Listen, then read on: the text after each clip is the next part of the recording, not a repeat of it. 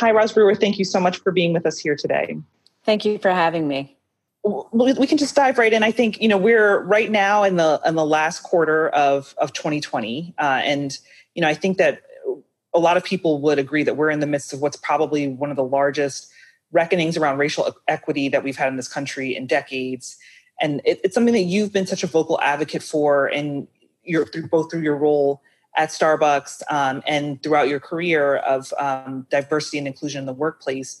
And so I'm curious just to hear from you uh, to start the conversation, sort of what this moment means for DEI efforts, not just in corporate America, uh, but in business in general.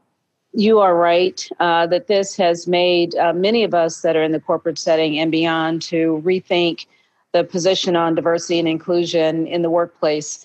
Um, you know, let me start with um, you know the conversation about where are we actually in diversity and inclusion in the corporate setting, and I will tell you that this is actually putting a spotlight on the weaknesses and maybe the lack of forethought and um, intensity that we should always um, have maintained on this subject all along. Um, one of the things that I think it's in highlighting um, in, for most of us is that our biggest opportunity is inclusion. Mm. Because, you know, I um, have heard the stories so many times about there's, you know, no black talent out there, no Latinx talent for these particular roles.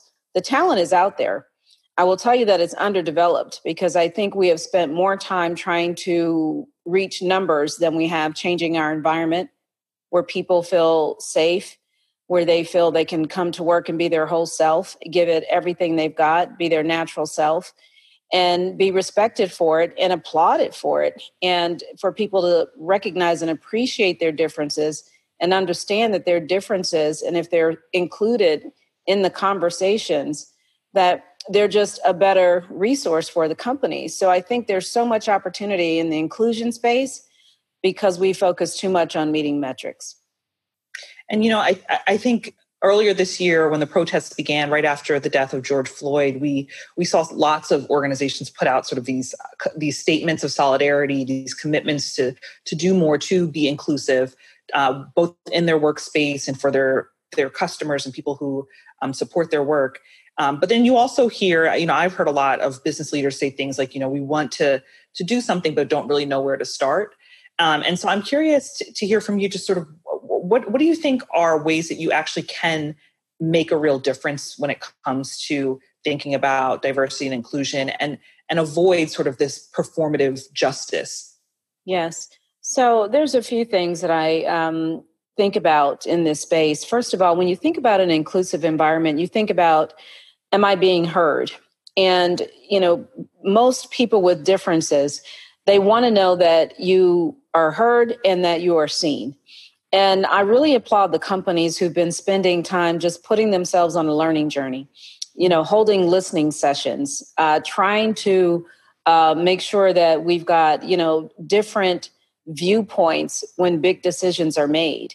Um, you know, there are some companies who are engaging their partner networks in ways that they've never done before.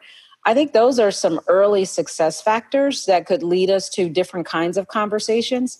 Mm-hmm. Um, and I, I, have been listening to a lot of my peers in different industries, and they're having their own personal aha moments. And they're actually checking themselves at the front door, you know, saying, I never thought, I never knew, I didn't know what I was doing um, when I said X or when I did this, right? And so I think it starts with some very simple things. You know, um, I, would say that there's a lot of steps to take before training and development, that's for sure. So, mm-hmm. those that are jumping quickly into training and development, um, I'd say put a pause on it and just get back to grassroots and hold listening sessions and then decide what do you want to do? Mm-hmm. And then help those people of diverse backgrounds engage in those conversations about how they want to see change happen you know they're they're the best resource for a lot of this and a lot of these discussions i mean i learned so much um, i have breakfast sessions with um, the baristas and partners at uh, starbucks regularly. I just had one yesterday and when my screen popped up i had nine diverse randomly selected um, partners. We call our employees partners. And uh, it was such a rich conversation and they began to network while i'm talking to them right? They were learning from each other. Um, and this wasn't a diversity conversation. We were actually kicking off our new financial year at Starbucks. And so this was actually um, a business conversation and a touch base to see how are you're doing um, while we're working remotely. And, you know, it starts there with building relationships and learning people for who they are and um, engaging them and saying, I see you, I hear you. That goes such a long way that, you know, I think if we do more of that, I even think the engagement and, and performance just goes through the roof. I mean, and, and so I, I, what I hear you saying then is that it's it's less about you know this short term. How can I respond to this moment right now? And it's more about long term en- engagement with people and making this part of the fabric of how you do your work. Um, and and so I'm curious also to hear a little bit about just I guess if you if there is a timeline when people think about how quickly they should be responding to um, to protests and, and to to sort of what's happening uh, in this in this cultural moment um, you know what what should we actually be looking at as far as when when we see this change actually materialize and, and take effect Yes. So I think there are some short term things. There are some really key partnerships in the communities um, around, um, you know, around our, our, localities that are really important to also engage in some of the le- listening and learning sessions as well. Um, I learned tons from, you know, organizations like the, the, the Legal Defense Fund, from the NAACP, and engaging those partnerships that we've had over the years, but changing the discussion of the conversation about how do we partner together. Because one of the things I fear, you know, for being a retailer like um, like Starbucks is and many other companies, is that I want my partners to feel not only safe, comfortable, um, heard, and seen in the company. I want them to have that same experience in the community and mm-hmm. so that's when it comes full circle i really want you know diverse bipoc eh, you know employees to feel like you know i make a difference first of all i vote every year um, i'm engaged in my community and then i'm engaged in work so i have value and so i think there are some key partnerships that should happen right now so that we can make sure that our employees feel like they have a full way to engage in this change that's underfoot right now mm-hmm. And then I wonder on conversely, you know, what sort of pitfalls have you seen business leaders fall into that are actually just not um, effective and, and are not supportive of efforts to uh, be more inclusive and to diversify? What are some of the things that haven't worked? Yeah, you know, I I worry about the race for for numbers, you know, to meet numbers because, you know, you will find I found many times in my career is that you know some of our best leaders have good intentions but they don't understand they they don't understand that, you know the partner sitting next to them that looks different from them mm-hmm. and so i worry about when we race to numbers because you know what we're the, the kind of country we live in the world we live in we all know how to make numbers work. What we don't know how to do is to build strong relationships that are lasting that are valued. And i think that's where we need to start is relationship building and key partnerships. So I, I, I worry about uh, the numbers base. And, and so, of course, you know, I, I think we all remember a few years back, Starbucks had a, a very a public, um, you know, issue. You were embroiled in that incident in Philadelphia around racial discrimination um, that led to Starbucks taking sort of a, a step back and thinking about inclusion and um, implicit bias and racial sensitivity. Um, yeah. And and so, I'm, I'm, you know, how how did that experience help prepare you for this year, both as an individual uh, business leader and then also as an organization? Um, how did it help you uh, approach what we've been experiencing in this country in the past few months? So that was a real example of uh, leadership, and actually where Starbucks had failed um, in selecting the right leadership for that store. Um, and to give you an example, you know the person that was running that store was um, a, a, very young up and coming leader for the company and to put her in a store at 18th and spruce um, in philadelphia um, you know was an opportunity for all of us so in retrospect um, one of the reasons why we did the anti-bias training was to make sure that we began those conversations and when i talk about not just training that training was very unique because it was self engaged. They weren't being taught by an instructor. They had to have conversations with their peer baristas around diversity and inclusion amongst themselves. So it wasn't moderated by any leader in the company, it was self instructed. Mm. And the conversations that were created once we had that kind of relationship building, you know, we had some of our baristas asking us, Can I take this home and talk to my father who never let me take the black girl to the prom? You know, mm. it was, we started what we felt like a movement and a discussion that we have been able to really use from that point on in terms of the way we want to escalate the conversations and make change happen at Starbucks and not only at Starbucks but in our communities because there were quite a few organizations that we reached out to that we have we're still engaged with today that are helping us build um, you know community leadership as well. Hmm. And is is that the goal? I mean, you mentioning an employee who wanted to take their learnings home. Is, is the goal in thinking about how you approach these issues as a as an organization for your employees and your your partners to sort of see how they can move this beyond just their their work life? Sure. You know, we, you know, a lot of this starts at home. You know, it starts with what happens at your dinner table, right? And so we can we can correct what happens and we're responsible for what happens when you come to work at Starbucks. But we also realize that, you know, we can only get them ever so far. But if you're at the table having some conversations that are counter to what you're learning in the workplace, you can't help but slow down your growth and your change. And so um, a lot of the work that we do around diversity and inclusion is open sourced. So when we created the materials for the work when we had the, the closing of our stores on May 28th, um, we have given that to so many other companies um, for them to use. And, you know, even we're doing some work right now around courageous conversations. And in this remote world, um, we're allowing our partners to bring their families onto the camera or listen in the room as we have courageous conversations on diversity. So if if Starbucks has a uh, keynote speaker on a certain diversity topic, we invite the family in, and it's been really um, it's been great. A lot of our um, senior executives have said, you know, this is starting new conversations with my teens at home um, who are either getting bullied. Um, these are changing the conversations about why we question some of the actions that we have around our house. And so, you know, we need to understand that to embrace this issue, it is not as small as numbers. It's not as small as just the workplace. It is it is very comprehensive. So we're trying to do something different here to change the conversations and then actually grow inclusion in a very very grassroots way at starbucks. Mm and of course, I would imagine as a, a, Black woman and, and a business leader that these issues hit really close to home um, for you.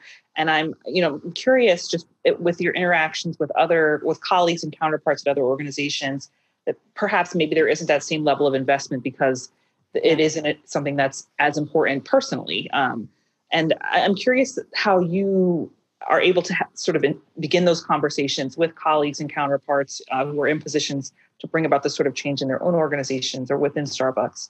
Um, how do you get them invested, and how do you, frankly, get them to to care about this? Yeah, that's a very good question. So I have two children. Um, I have a daughter 17 and a son that's 25, and uh, you know, quite honestly, when that situation happened in our Starbucks stores back in uh, 2018, my son was the same exact age as Donte and Rashad, and looks a lot like them, by the way, and would have been sitting in a Starbucks uh, dressed the same way they were. So that incident alone was deeply personal to me. Actually, um, made me grab my chest, right? Because I knew at any given moment, my husband or my son could get pulled over and I get that call in the middle of the night. So it's deeply personal uh, for me. And what I try to do is I share stories and I talk very openly about my family and what we do on the weekends and our holiday traditions and all of those things. And I have no issue with someone leaning over to me, um, maybe one of my white counterparts saying, I don't understand that. What are they talking about? You know, when they hear something that's, um, you know, a little bit different than their culture. And I'm, I'm wide open to explain and have those conversations because um, I feel like I really want to be a conduit for that. Um, I always tell everyone no questions, you know, too small or too big, even with all, everything that's going on right now in our environment around social unrest. I've get gotten tons of calls from you know my white um, peers at different companies saying roz what do you think? What are you hearing? Help me out here. I'll drop everything because you know if i can help um, and i'll tell the story and i think most people know if they've known me over the years i'm pretty frank and outspoken. And i'll also tell them when they've really messed up and um, and what they need to do about it. And so I think you know I want um, more Black leaders to feel just as confident in doing that. Um, what's I see no risk in it. Um, I do realize that it begins a new relationship with some people, and some people can't take the tough conversations. But it's time for tough conversations. Hmm. And I mean, to that point, I, I imagine there are probably also people who, because these conversations are tough and uncomfortable, think, you know, maybe it's it's easier or better to just avoid having to to to do that and to have have those conversations, these discussions, to to stir the pot in some ways. And, so, I what do you say to the people who think, uh, let's just try and lay low? Um, and uh, you know, I've heard some of this too. In this moment, let the the moment pass so that we can get back to business as usual. Yeah. Well, I first start off by saying how disgusted I am by that statement. Mm-hmm. Um, because, you know, leaders lead in the moment and you never know when you're going to be called upon. And if this isn't a calling, um, I don't know what is. And so when I get that call and say, you know, I just think I should take the back seat and just kind of let, you know, this brew here and that calm down, you know, um, we need to all, it's, it's an all in moment. And, um, you know, leadership is not designated by your title. Um, it's designated about how great you can create followership. And, you know, having uh, thought leadership, just, it, you know, people underestimate the opportunity to pick up the phone and call someone and say, How are you?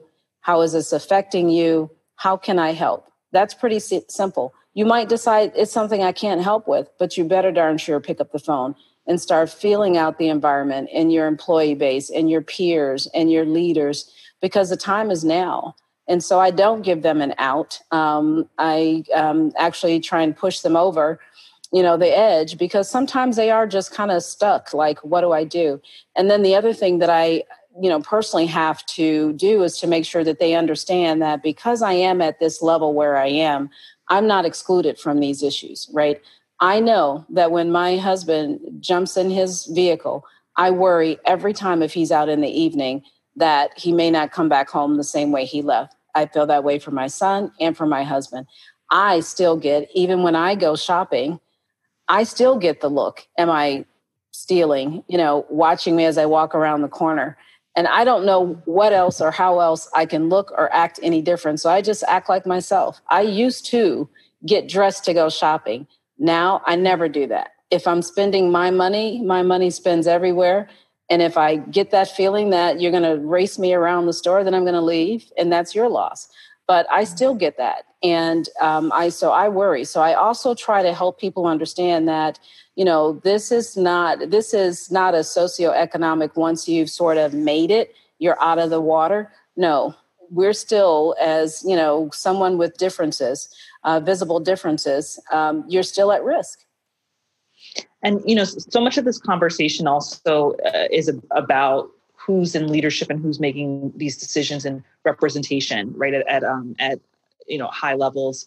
And I know that you've been really vocal about your own experiences as a woman of color, a person of, of color, as a black woman, um, in you know these executive positions, and often feeling you are the only one in some rooms um, and and sort of the isolation of that but also um, the challenges uh, in, in making choices and, and, and getting things done when that's the case. And so I, I, i'm curious also what are the opportunities that this moment presents for us to perhaps approach this differently? And how can people at different organizations who are looking to bring people in um, to positions of leadership uh, how can we approach this differently so that we can begin to see um, more people of color in these roles? Sure. Um, you know, it's been my experience that um, I see tons of great diverse talent coming into companies and then they're stuck. And what I see is the pipeline is very weak at a certain level. And once it gets to the point of trying to, you know, decide on a succession plan for who's next in line for the big jobs, there's this great talent that's like that that mid-level manager area then there's a big gap and then there's maybe two at the top. And it puts a lot of pressure on those two on the top to try and go down and grab those that are just maybe been with the company for two to five years and lift them up. So you know what i think about is how do we give extraordinary experiences to our youngest diverse talent so that they can get that exposure early on and begin to develop early on, just like their white peers. And I think sometimes we celebrate too much that they are part of the company. But we mm-hmm. what we need to celebrate is where's their progression? Where's their opportunity for growth? Who's listening to them and who has their hands on them? And um, you know, one of the things that uh, we're doing at Starbucks is really having structured mentorship. Uh, but the mentorship looks a lot more like being a sponsor. And so you are, um, you know, our executive leaders um, will be responsible for the development of our young, diverse talent um, and making sure that they're getting that exposure and those opportunities. And just imagine if you're a new hire in the company and someone wants to meet with you at a senior level, you know, once a month, twice a year, even. That's game changing. And so we have to, you know, reach our young talent early. And now this pipeline has got to close. It's it's got we've got to fill it up and close this gap because if not, I don't see a pathway for diverse executives, C suite executives in the next, I would say, three to five years. I don't see a lot of placements happening. Hmm. And are you are you hopeful in this moment? Do you do you feel like we are making progress towards this? Uh, it, it, it's early days. Um, I'm I'm hopeful. Um, I feel good about the conversations that are happening. Um, I'm seeing um, change um, in people thinking more about themselves. You know, when they, you know, my white counterparts are um, questioning some of their actions. And so I feel like we can't let this moment leave us and what we're learning about it. I think if, you know, what I'm really optimistic about is that now I think more people understand that the less diverse and less inclusive we are, it's more than a business imperative. When we combine the pandemic and we see the inequities of a pandemic on a diverse community, and we talk about how that happens, how people are underrepresented in healthcare, underrepresented in their housing, they can see that this is a groundswell moment. And the more we realize that and talk about that complexity, then the solutions begin to happen. And I think that's happening more and more. So I'm optimistic about that because we're looking at the ills of diversity, lack of diversity and inclusion, and maybe looking at much broader solutions for it than what we have in the past. Thank you so much, Roz. This was such a meaningful conversation. It was great to hear your insights. Thank you.